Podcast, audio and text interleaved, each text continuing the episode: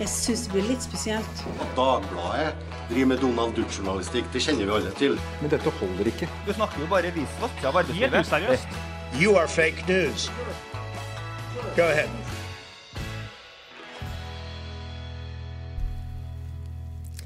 Vi nærmer oss slutten på året, og da er det tid for oppsummeringer. Vi skal gjøre opp regnskap for det politiske året 2019, og vi gir deg herved jukselappen som du kan misbruke på alle familiemiddager, eller kanskje la være.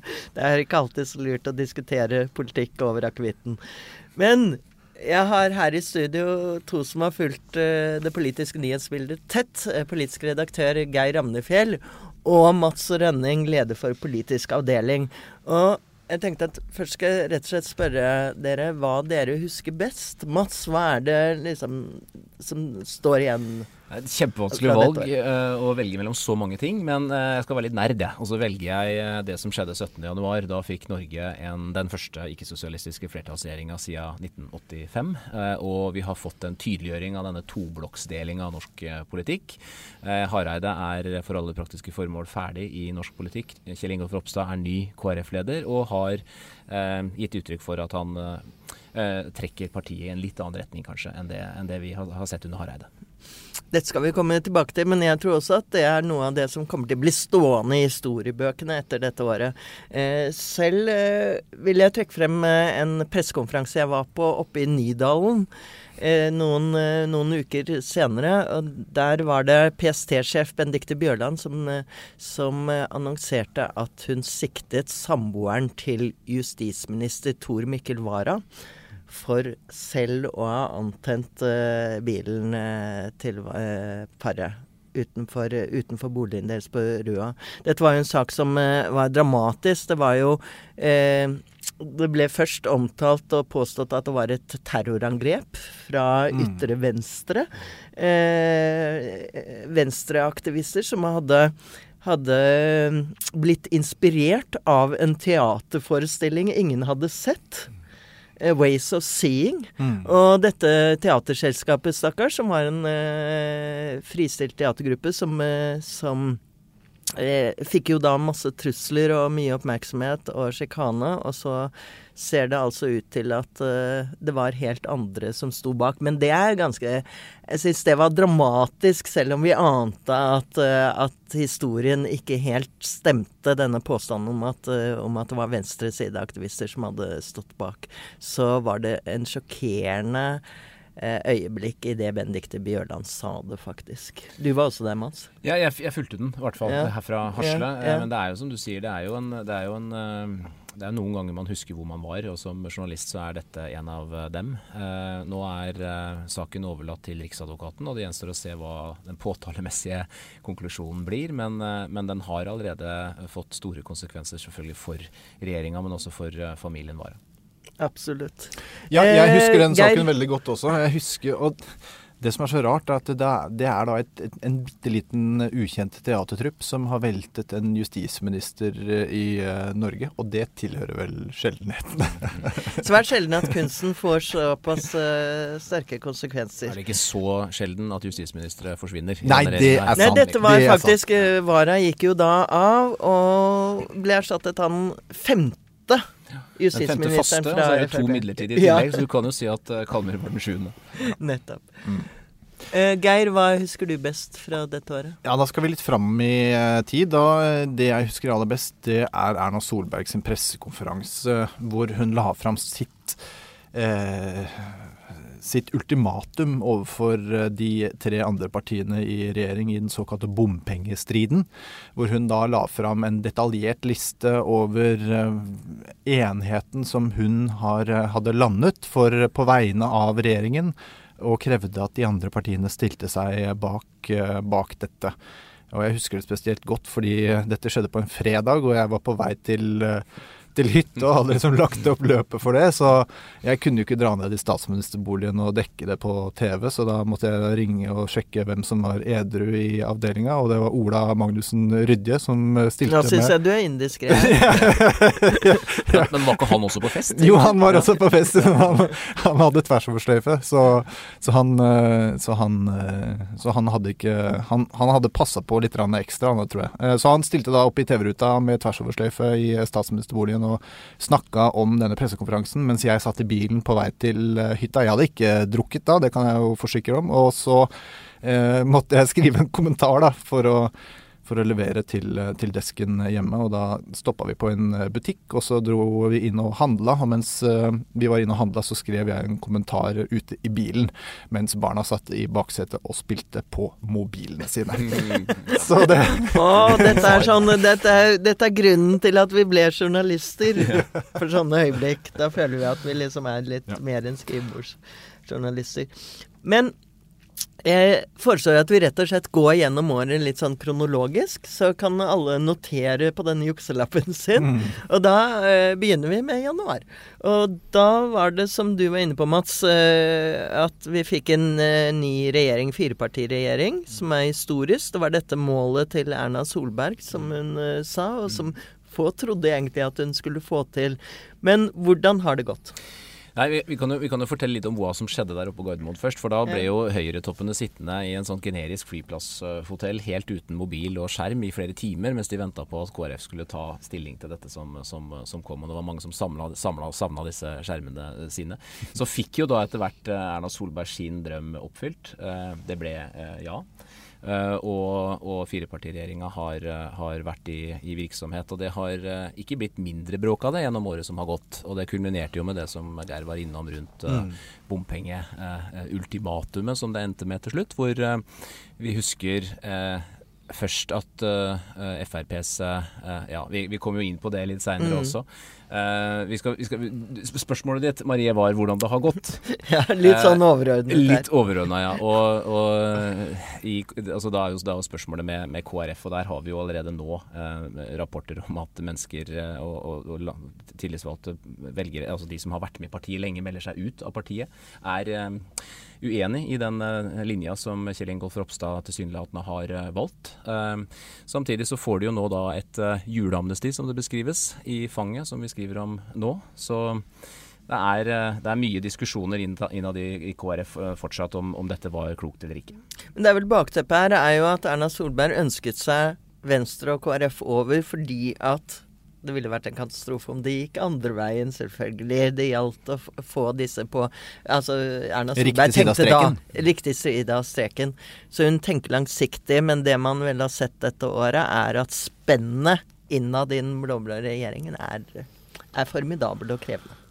Det er det. Og det, hvis vi skal ta det helt kort, så, det sånn, så gikk det først eh, greit, og så gikk det veldig dårlig inn mot eh, valget og bompenger, og så har det vært litt sånn stille eh, etter det og fram til eh, jul, og så, og så kom det noen statsrådbytter i, i, i denne uka, som kanskje kan eh, skape litt rann, eh, intern strid framover. Men vi kommer tilbake til det også. Februar. Da den ble nominert av at VG publiserte denne famøse Bar Vulkan-videoen. Vi- Jeg føler at det har vært sagt nok om den. Men, men Trond Giske han har jo også dukket opp nå på slutten av året. Eh, Han har eh, hvilt over eh, Ap som eh, Hva skal vi kalle det? En mare? Han har svevd over vannet, ja. Ja. Eh, ja det er helt riktig. Det, det, er, det er en sak som Arbeiderpartiet tilsynelatende ikke blir eh, kvitt. Um, og nå er jo spørsmålet om han eh, vil få nye framskutte verv lokalt i Arbeiderpartiet. Han har jo ikke vært helt åpen om hva han ønsker, men, eh, men det er mange som tenker at det er sannsynlig at han vil forsøke å, å komme tilbake på den måten. Og det er mange som mener han bør få den sjansen. Og så, mm. som Dagbladet har skrevet denne uka, så er det mange som mener det vil være svært uklokt også. Så, så den saken splitter Arbeiderpartiet eh, sånn som den har gjort det hele tiden.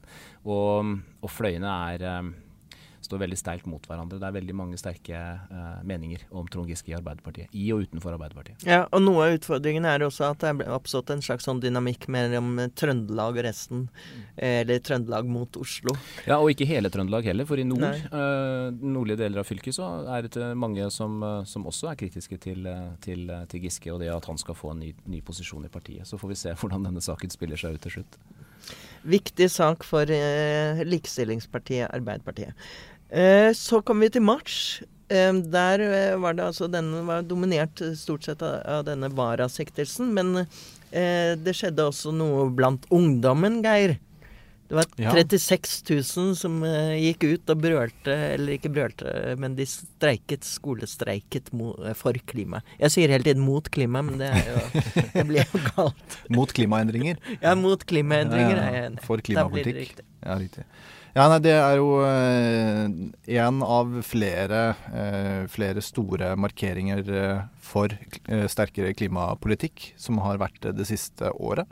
Og dette var den første store mønstringen i Norge av hvor vi så eh, klimaungdommen, eller den engasjerte ungdommen, gå ut i eh, gatene. Og folk ble tatt litt på, på senga av det. Hvor mange som faktisk møtte opp utenfor Stortinget. Det var det, var, det, er ikke ofte det kryr av mennesker utafor uh, Stortinget, selv om det er tillyst uh, demonstrasjoner. Det er kanskje liksom fullt på Eidsvolls plass, og så er det liksom tynt ut i rekkene. Men der var det virkelig fullt overalt. Og du så Eivind Trædal hang i lyktestolpene og filma og glisa og var veldig, veldig fornøyd.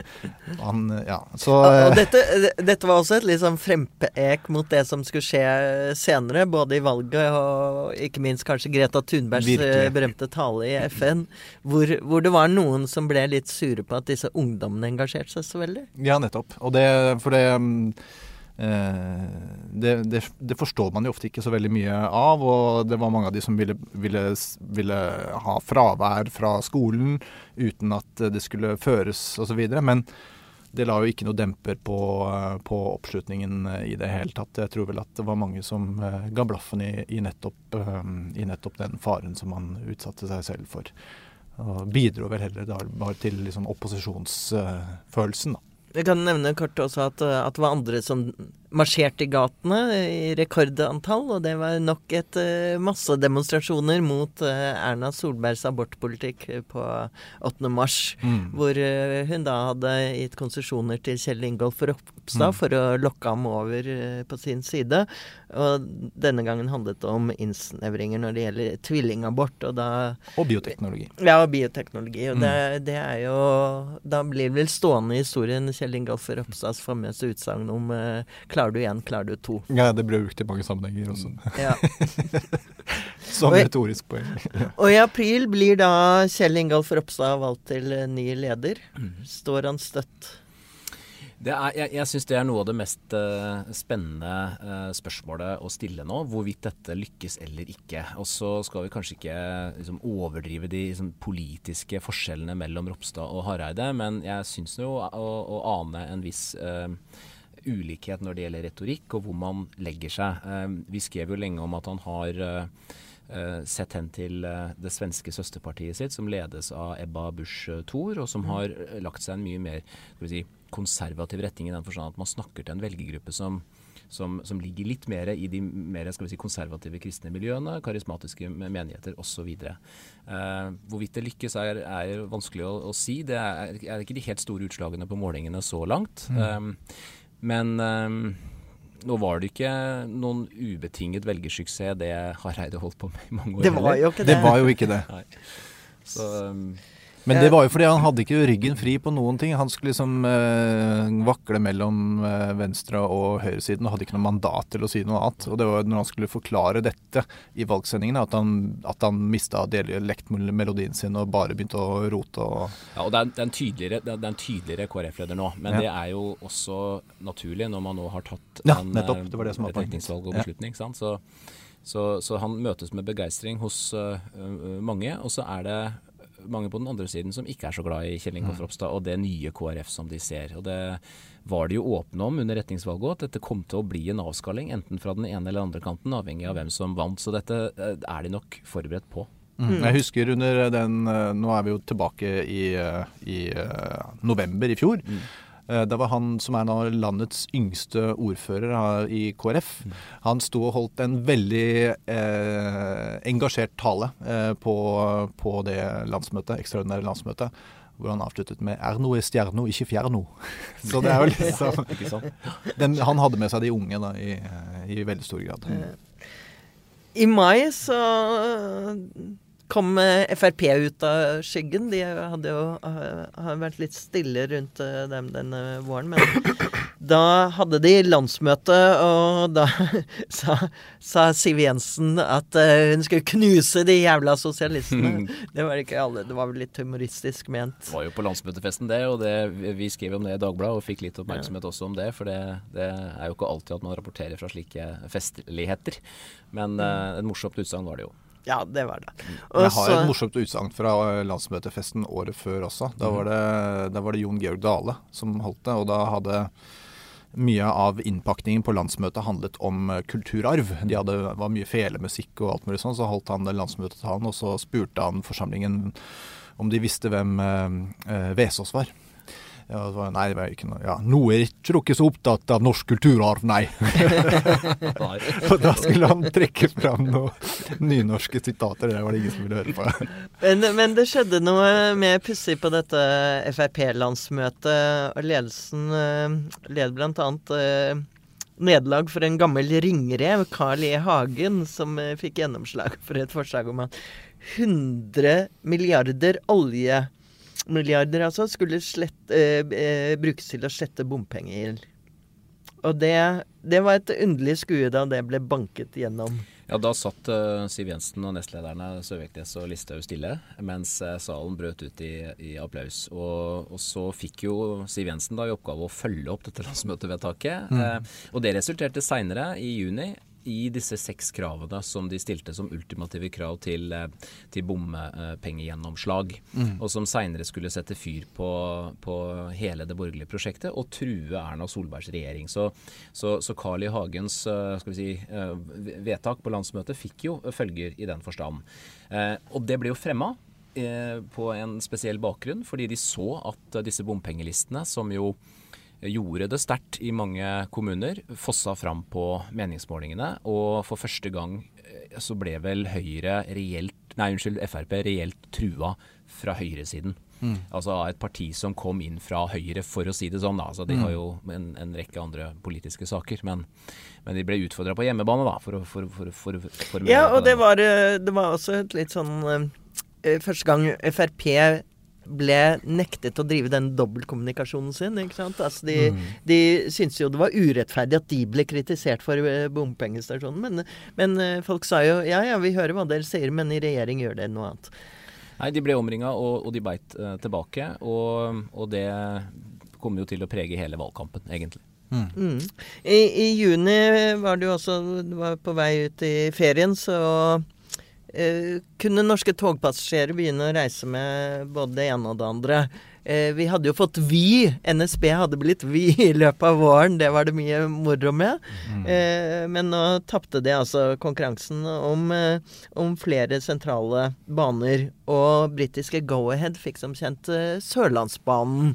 Og så fikk vi Bergensbanen på slutten, da, med nød og neppe. Det var jo en liten seier. Men, men det er noe annet som skjer med Vy. De driver med snikislamisering, er det sånn? Ja, hva var dette, Geir? Det var, et, det var en post fra Hege Storhaug, det vel om ja. Hege Storhaug skrev på, eh, på Facebook eller Twitter eller et annet sosialt eh, medium som ble spredt videre og, og latterliggjort. Og det var at hun påpekte at uh, vi hadde fått nye uniformer dagen før, og det var da grønne uniformer, eh, samme som eh, togfargen. Og så hadde de i tillegg um, uh, hijab i uniformen. Og da grønn, mente hun grønn er islams farge, var det Ja. ikke sånn? Ja. Ja, så da var dette her et bevis på at islam eh, tar over i Norge, på et vis.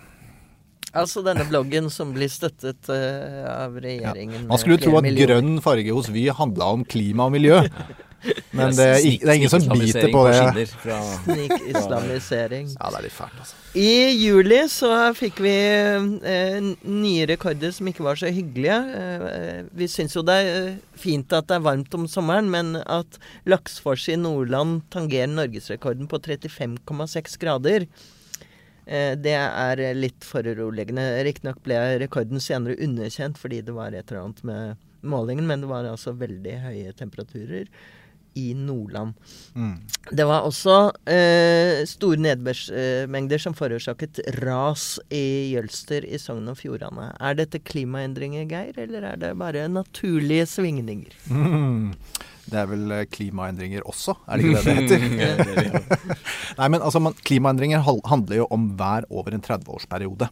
Eh, så man kan ikke si eh, sikkert at slike naturfenomener som det er klimaendringer. Men klimaendringene styrker sannsynligheten for at det skjer. Og vi veit at det har blitt mer regn i Norge i løpet av de siste årene. Vi veit at det har blitt varmere i Norge de siste årene. I fjor sommer så ga det seg utslag i en veldig varm sommer. I år så ga det seg utslag i en litt våtere sommer og en våt høst.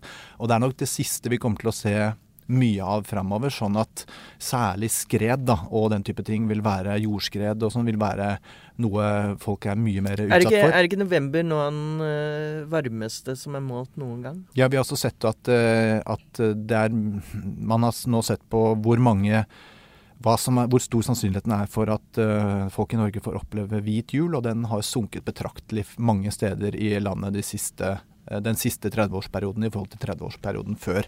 Så det blir varmere, og det blir særlig varmere her i eh, Norge. Og nå driver jo man også og uh, lager rapporter om hvor, hvor det er trygt å, å bo, og hvor det er trygt å bygge nytt. Og da får jo mange folk på Vestlandet beskjed om at der hvor du bor, på din tomt, så er det ikke eh, tilrådelig å bygge nytt, men du kan godt bo der. Og det forstår ikke folk noen ting av. For det, hvis man ikke kan bygge nytt, så er det vel ikke så trygt å bo der heller. Da, Nei, så det, en, det jo, handler jo om skadebegrensning, da, at du ikke skal oppføre noe nytt der hvor de står. Og det er jo en typisk konflikt som vi vil eh, høre mer til i årene som eh, kommer, og som folk må forholde seg til. Og dette er myndighetene som faktisk bestemmer. Altså, Ja, ja, det, er ikke, det er ikke forsikringsselskapene som styrer dette. Nei, nei, dette er det myndighetene som, eh, Mm. som, eh, som styrer, og det er de nødt til, å, nødt til å gjøre for å sikre innbyggerne sine. Og så blir det alltid en sånn spørsmål om eh, skal vi si til folk at de må flytte, eller skal vi si at, eh, at eh, de må bare ta hensyn og ikke bygge mer, ikke sant. Og det er jo da typisk sånn statlige hensyn som man må, man må eh, gå litt forsiktig fram. August var en dyster måned. Da fikk vi det andre nye terroranslaget. Eh, høyre en høyreekstremist som eh, angrep en moské i Bærum. Al-Noor Islamic Center i Bærum. Og det, Philip Manshaus hadde da, fant man ut etterpå, eh, tatt livet av stesøsteren sin, som var adoptert. Um, var dette en bekreftelse på det PST sier, at eh, det er uh, høyreekstremister som eh, er, utgjør noe av den største trusselen? Ja, altså det var åpenbart det. Og det, en, det var jo en, eh, en eh, nyhet som de allerede hadde presentert eh, før dette angrepet kom, at de anså faren for høyreekstreme angrep i, land, i Norge for å være høyere enn tidligere.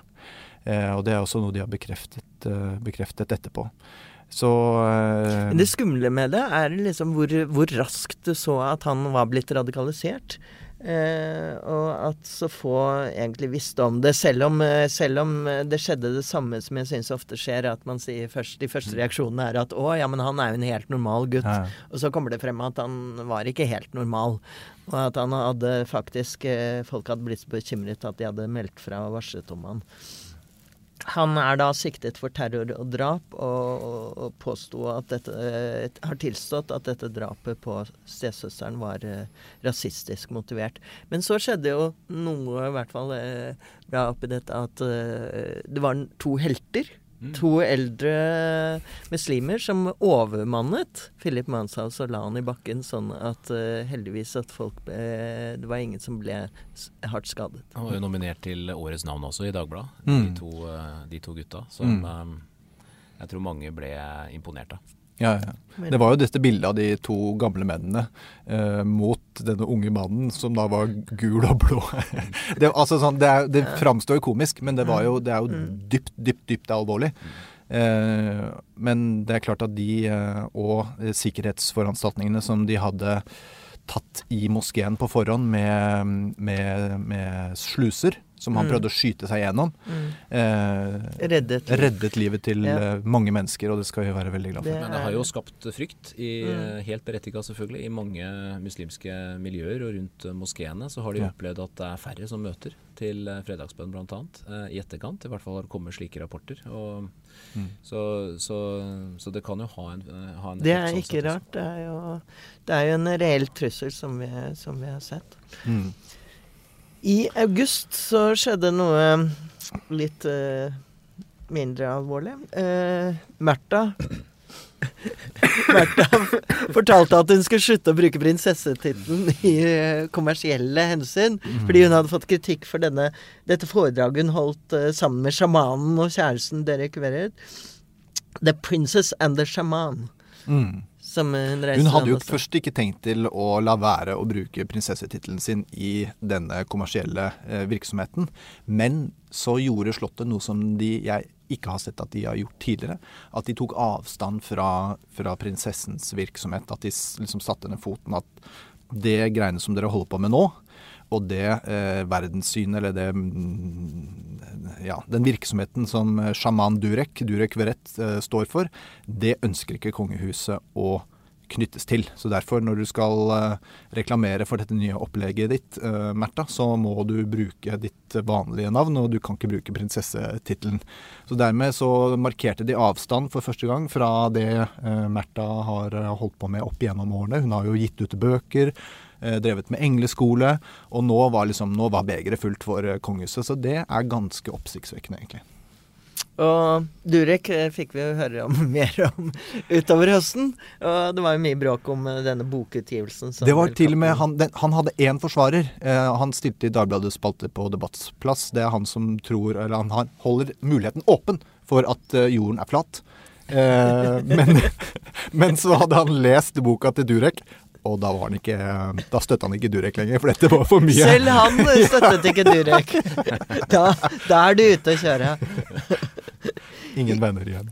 I september var det eh, kommunevalg som eh, hadde flere litt sånn eh, rare utslag. Eh, Ap var jo den store traperen. Fikk en oppslutning på 24,8% Det er en tilbakegang på 8,2 prosentpoeng fra forrige kommunevalg. Men samtidig så fikk de makta i landets fire største byer. Og den store valgvinneren var selvfølgelig Senterpartiet, som fikk 14,4 og har fortsatt å gå frem siden. Men eh, så skjedde selvfølgelig det som fikk kanskje mest oppmerksomhet, i tillegg til dette distriktsopprøret og denne bølgen som eh, Senterpartiet led på, var jo dette bompengeopprøret. Og så var det MDGs fremgang. Så spørsmålet The jury is still out, som man sier. Mm. At var det et klimavalg, eller var det et opprørsvalg?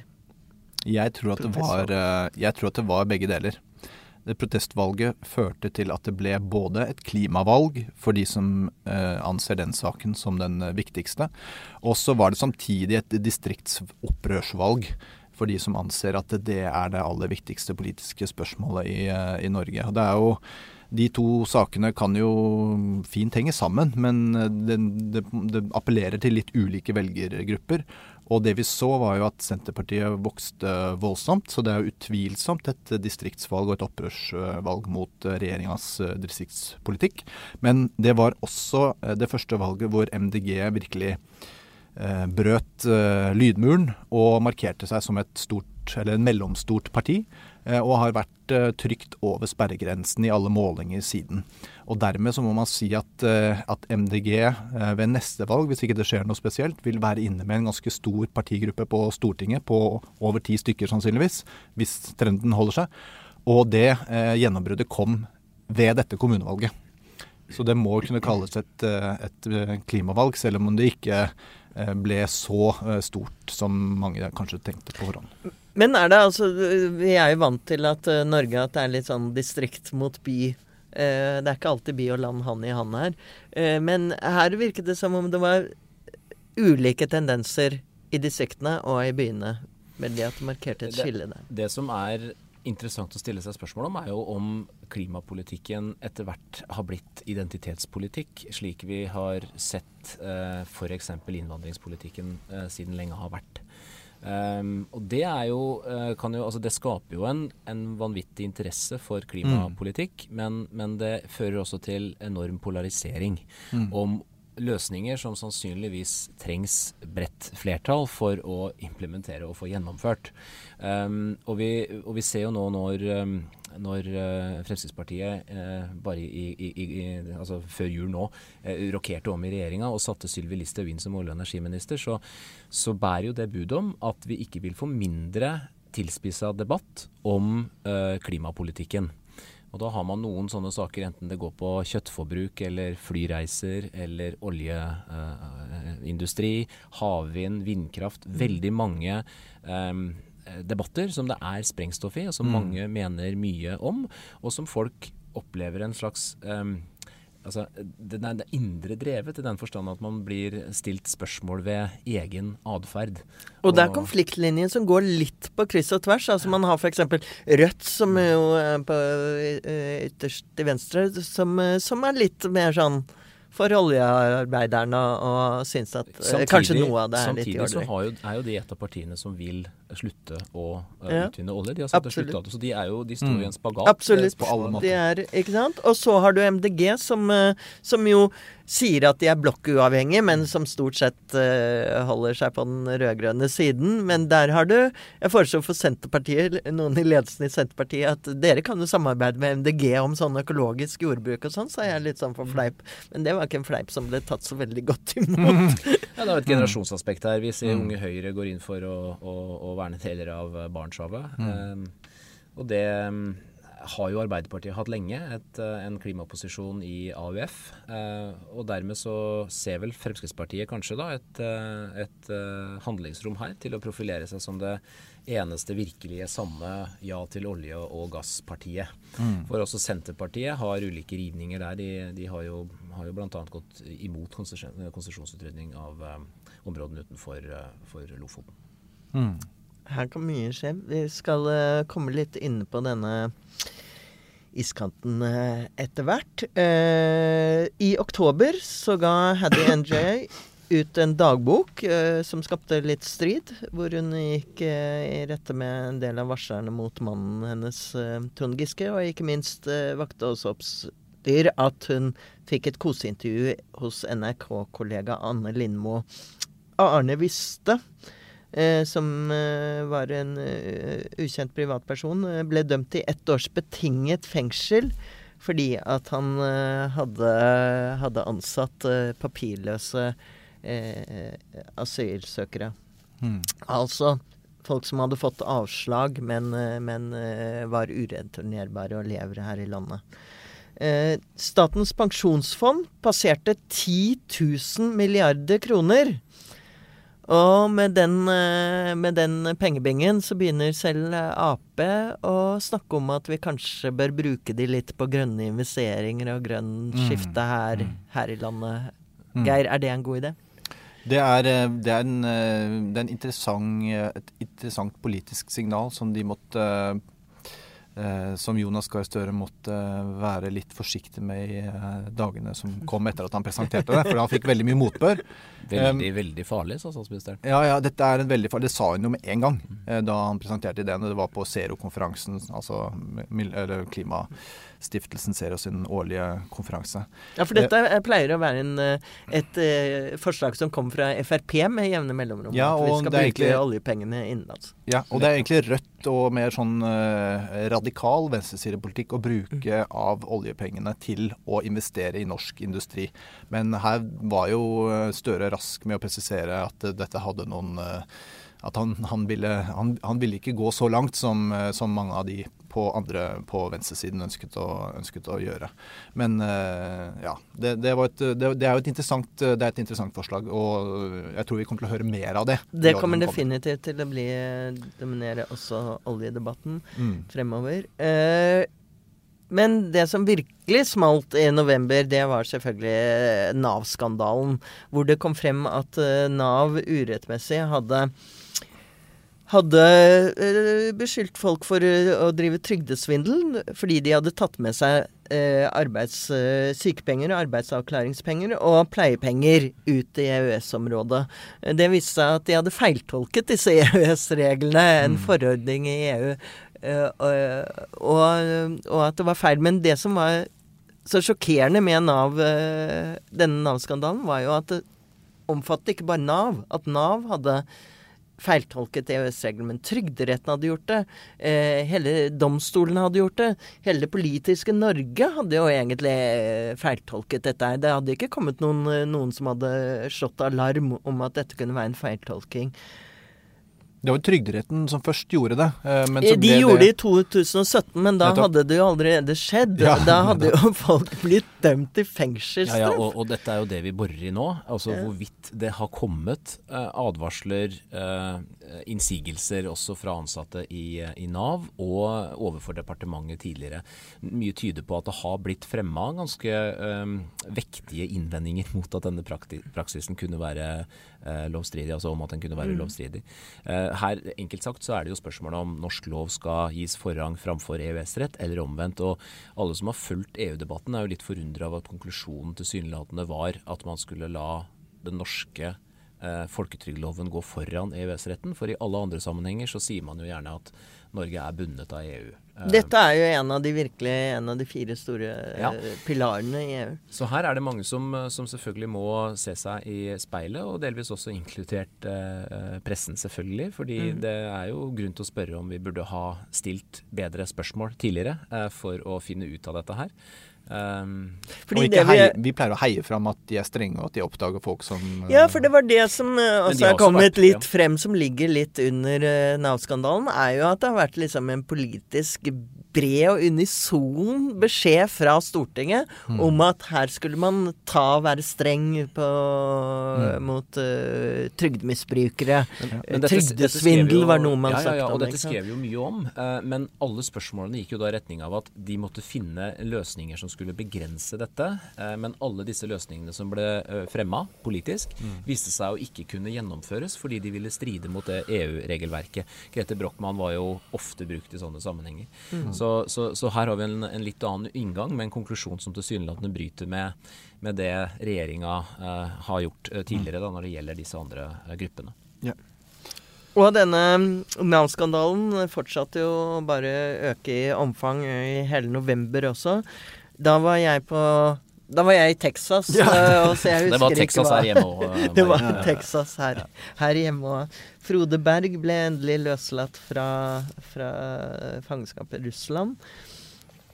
I desember så vil jeg si at året avsluttet omtrent som det begynte, med distriktsopprør pga. Babcock Babcock-skandalen. Altså det vil jo si disse luftambulansene som ikke flyr, Mm. som står på bakken.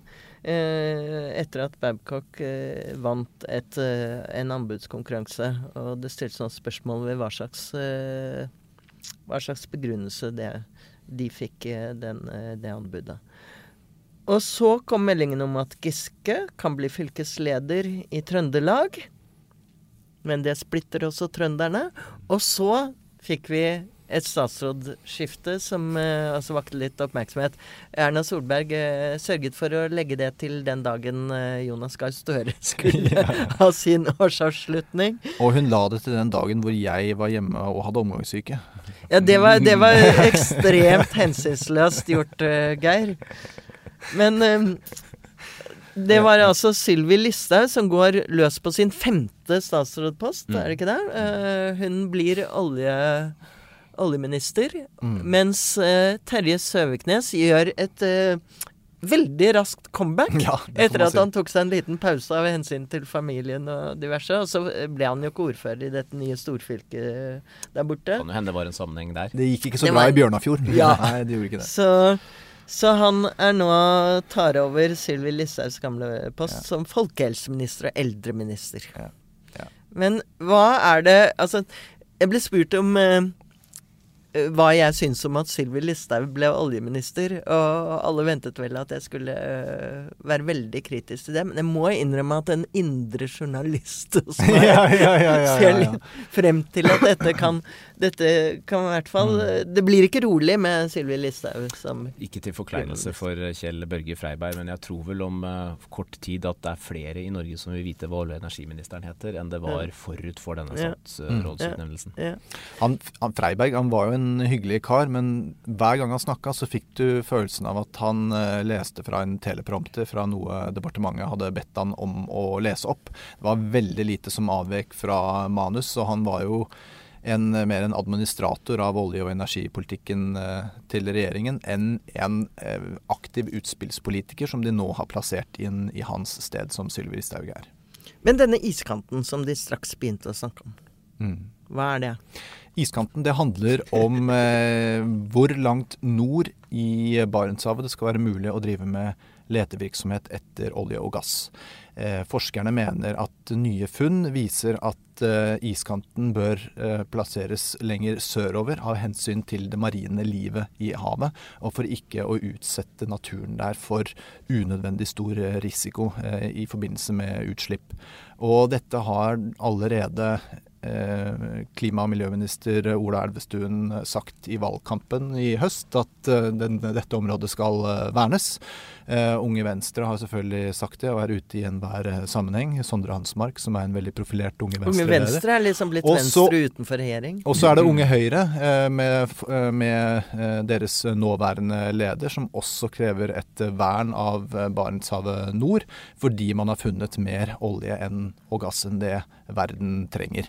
Og da er min hypotese at ja, det var, eh, det var Frp som ville ha sine to eh, nestledere inn i regjeringen i framskutte posisjoner, og de vil kanskje også markere seg sterkere i oljepolitikken med Sylvi Listhaug. Men jeg tror også at Erna Solberg ser nytten i å ha Sylvi Listhaug i den posisjonen for å vise at i den striden om eh, iskanten, så skal Erna Solberg vinne. Den iskanten skal ikke flyttes eh, sørover. Man skal gjøre områdene tilgjengelige for eh, oljeselskapene for å holde stø kurs i eh, olje- og energipolitikken.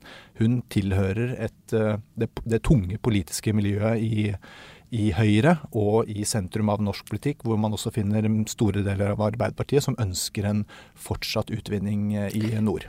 Dagbladet var jo så frekke at vi antydet at uh, Sylvi Listhaug ikke helt var stødig i disse klimasakene. At hun eh, var i hvert fall en klimaskeptiker, og uttalte vel til Dagbladet i mai, var det til eh, deg, Mats? Det var til kollega Eh, Jørgen ja, Gilbrand, ja, ja. at eh, hun eh, Dette var noe hun noe, Hva var det hun brukte uttrykket at dette diskuteres fortsatt? Ja da, og det handler jo om i hvilken grad menneskelig aktivitet påvirker klimaet. Mm. Og, og langt på vei så har hun jo rett i det at uh, man, man har jo å gjøre også med naturlige svingninger i, i klimaet her. Uh, uh, og i Frp så har jo dette vært en glideflukt egentlig bort fra en, sit, en, sak, en situasjon hvor man har, har, vært, eh, har, avvist dette, at menneskelig aktivitet har påvirka klimaet, til å si at man er, mener at det gjøres, men at man diskuterer i hvilken grad det gjør det.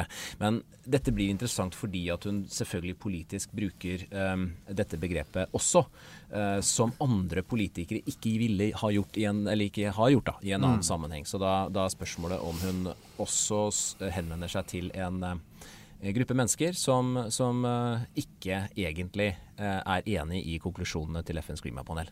Nei. Hun sa jo i uh, intervjuet med oss i den 3. mai at hun ble spurt hva er mm, vår tids viktigste sak, og da trakk hun fram migrasjon. Eh, som utfordrer velferdsmodellene og sånn. Og så spurte da vår eh, glimrende reporter Jørgen Gilbrandt om hva med klimasaken. Og da sier hun at ja, det er en diskusjon som pågår, vi må ta vare på kloden og på miljøet, og så må vi bare passe på at vi ikke skatter folk i hjel, og at vi holder oljeindustrien oppe der hvor folk pendler rundt i distriktene for å kunne jobbe der. Eh, og så spør han ja, men hva mener du? Jeg, ja, det er en diskusjon som fortsatt pågår i hvilken grad eh, klimaendringene er menneskeskapt. Og så får eh, Erna Solberg spørsmål om det på pressekonferansen denne uka, og da sier hun at ja, dere som er politiske journalister må jo følge med i timen. Hun sa under valgkampen at klimaendringene er menneskeskapt og at vi skal gjøre noe med det. Og da gikk jeg tilbake og fant en eh, debatt hvor hun var med i, i valgkampen under eh, Politisk kvarter, det morgenprogrammet som sendes i, uh, hver morgen. Og da under valgkampen så var hun i en debatt med Arild Hermstad fra MDG. Og der sier hun da i en bisetning at vi har jo mm, vi sagt at, at klimaendringer er menneskeskapt, at vi skal gjøre noe med det. Så hun sa ikke 'jeg har tidligere sagt'. Og når hun da blir pressa på det tidligere eller seinere på dagen, så sier hun at klimaendringene også er menneskeskapte. Så det er jo på en måte en, eh, hun har jo beveget standpunktet sitt, men hun har ikke tydeliggjort det. Og hun holder fortsatt muligheten åpen overfor de som ikke er enig, som du sa, i FN klimapanel Denne konflikten og motsetningene mellom, eh, mellom for så vidt folk som ser på at vi trenger oljeinntektene, vi trenger arbeidsplassene, eh, klimaaktivister er en trussel mot vår velferd. Mm. Eh, den konfliktlinjen har vi jo sett gjennom hele året og for så vidt over mange år. Men vil den tilspisses ytterligere når vi får en sånn demagog som Sylvi Listhaug på plass? Jeg er litt redd for det, eh, og jeg tror man skal være litt forsiktig med det. Eh, for det, hun prøver å bygge opp en stråmann. Hun prøver å bygge opp en argumentasjon rundt at de som da snakker om at vi må passe på f.eks. å eh, verne områder i nord, eh, de er eh, snakker ned oljenæringa, eller de er på jakt etter de som jobber i oljenæringa og, og, og, angriper deres livsstil deres måte å leve på. Men det er jo ikke det de gjør. De, de snakker jo egentlig bare om at vi har funnet mer olje enn vi har eh, mulighet til å, til å brenne. Eh, mer gass enn vi har mulighet til å brenne. Den nye rapporten om hvilke Eh, hva som bidrar mest til klimaendringene, viser nå at det er gass som bidrar mest nå. Og det er jo da til erstatning for kull. Men det viser jo at, at alt må ut, og også gassen. Så er det jo en bevegelse i norsk klimadebatt for det er jo ikke mange år siden at dette var litt mainstream, det hun sier. Ikke hvis vi ser bort fra dette med menneskelig aktivitet, men, men at hun, hun anfører jo at norsk olje- og gassnæring er helt avgjørende for å nå klimamålene. Dette var jo Jens Stoltenbergs uh, credo, mm. dette. Vi må ta opp vår olje og gass fordi vi gjør det på en mer miljøvennlig og klimavennlig måte enn andre land. Hvis vi lar uh, olje og gass ligge, så bruker de køl fra Kina i stedet, eller andre steder. Mm. Um, og nå har da det blitt, uh, i deler av skal vi si, klimadebatten, et ytterpunkt. Fordi også polariserende politikere som Sylvi Listhaug fremmer det. Og Det blir interessant å se hvordan det spiller seg ut. det er en veldig god illustrasjon hvordan klimadebatten har flyttet seg. Ja, For det er jo ja, helt mm, riktig at uh, Sylvi Listhaug høres nå ut som Jens Stoltenberg anno mm. 2007. Og det handler jo f.eks. om hvor skal norsk gass selge, selges, og de skal jo selges i Europa. Og i EU så har de nå bestemt seg for at de skal være klimanøytrale i 2050. Og det tar ti år fra man finner et gassfunn til man kan utvinne det. Og nå er vi allerede i 2020. Uh, da er vi i 2030. Og så skal EU utvikle infrastruktur for å eh, ha nullutslipp i 2050. Og da kan de ikke ha mye av den gassen som vi tror at vi skal finne. Dette var jukselappen som vi vil gi til dere som en uh, julepresang. Uh, men uh, til slutt, mine herrer, hva tror dere står på den historiebøkenes jukselapp om 2019? Nei, jeg tror, jo, jeg tror jo, som jeg starta med, at regjeringsutvidelsen vil være vanskelig å omgå. Eh, det at eh, Erna Solberg fikk samla Kristelig Folkeparti, Venstre og Fremskrittspartiet i én og samme regjering, det er helt nytt i norsk sammenheng. Jeg tror bompengestriden, og så tror jeg klimademonstrasjonene. Både ungdommen, klimabrølet i sommer og hele Greta Thunberg sitt gjennombrudd i, i norsk og internasjonal offentlighet kommer til å stå seg. Min nye helt Greta Thunberg.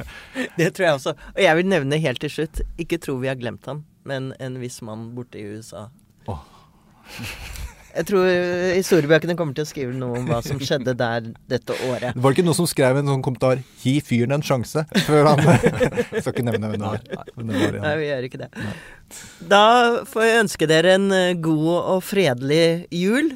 Og kanskje ikke ta med alle poengene i jukselappen til familiemiddagen. Da blir det litt urolig rundt bordet, tenker jeg. Men, eh, men eh, nå er dere i hvert fall oppdatert på det dere ikke husket. Og dette er også eh, slutten på tiåret, så vi kommer kanskje med en liten sånn tiårsoppsummering eh, seinere i romjula? Det gjør vi. Ja. Enda en jukselapp. Ja, ja. Takk, Geir og Mats.